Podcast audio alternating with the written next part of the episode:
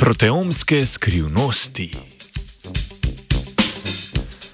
Dobro jutro.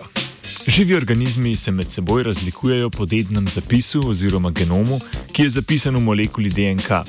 Pomemben del genoma sestavlja zapis za izgradno proteinov, ki so ključni za vzdrževanje življenjskih procesov. Proteini, ki se prevedajo iz informacije zapisane v molekuli DNK in jih najdemo v celicah, gradijo proteom opazovanega organizma.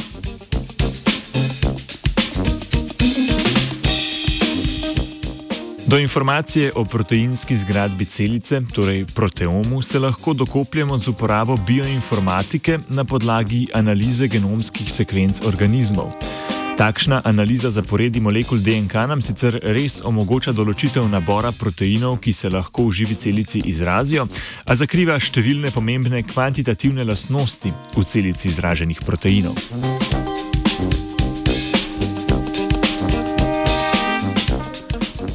Mednarodna skupina raziskovalcev in raziskovalk, koordinirana strani Max Planckovega inštituta v Martinsridu, je v sredo objavila pomemben prispevek v reviji Nature. V članku so avtori predstavili analizo proteomov stotih različnih organizmov. Preiskovani organizmi zajemajo vse veje življenja: bakterije, arheje in eukarionske celice. V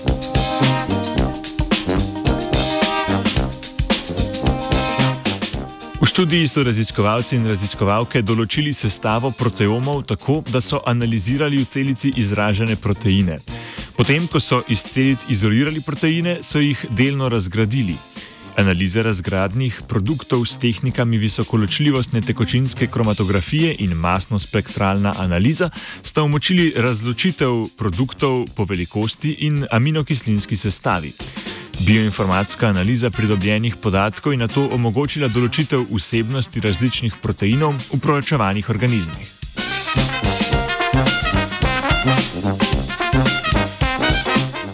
Raziskovalcem in raziskovalkam je uspelo identificirati 349.164 različnih proteinov. Največ jih izvira iz eukarionskih celic.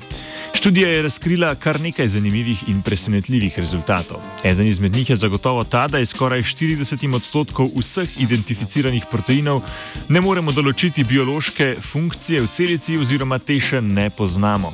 Avtori poudarjajo, da pri navedenem izsledku ne gre zgolj za marginalne proteine, ki se v celicah nahajajo v manjšem številu.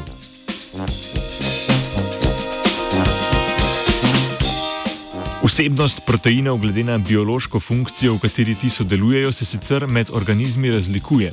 Tako da nimo med avtotrofnimi organizmi prevladujejo predvsem proteini upleteni v procese povezane s pridobivanjem energije.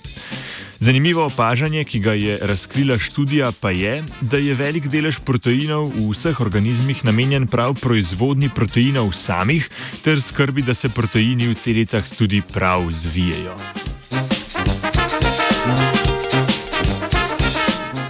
Študija predstavlja pomemben korak k razumevanju funkcionalnih vidikov proteinov v celicah ter hkrati razkriva, koliko proteoma še ne poznamo.